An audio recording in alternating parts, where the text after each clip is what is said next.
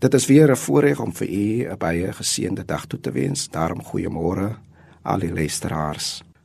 Paulus het 'n loflied van dank vir die karakter van 'n jong gemeente wat onder sy sorg ontwikkel het. En dit is die gemeente van Tessalonika. Hy skryf aan hulle om hulle te bemoedig om met die Here deur te gaan. En as hy dit doen, dan onthou hy die omgewing waar hulle hulle vir hulle in bevind. En ek het gaan kyk en dit lyk vir my die omgewing rondom die gelowiges was 'n groot uitdaging. Aanduidings is dat die omgewing maar moeilik en gevaarlik was. Hulle sê mense het hulle huise so gebou dat daar nie vensters in is nie uit vrees vir rowers van die dag. Historiese rekords bewys dat daar ryk en welaf mense was, maar terselfdertyd was daar mense wat arm en behoeftig was, beperk met lewensbronne. Daar was dan nog slawerny wat 'n praktyk was aan die orde van die dag wat ook 'n harde arbeid beteken het. Angswekkende situasies waar aan die kinders van die Here blootgestel is, was aan die orde van die dag. Immorele praktyke was beoefen.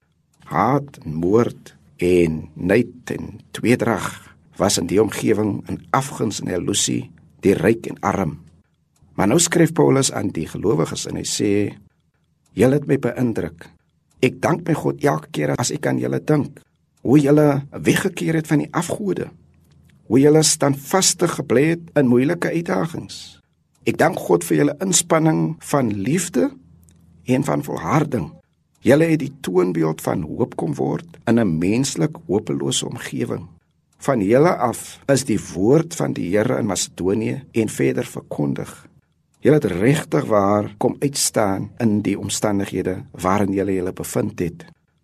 Paulus is opgemaak en hy's bly en daarom sê ek dank by God dat daar mense is wat nie oorval word deur hul omstandighede nie, maar die geloof beoefen en so die Here dien. Dit beteken ons kan oorleef in 'n verdreide omgewing.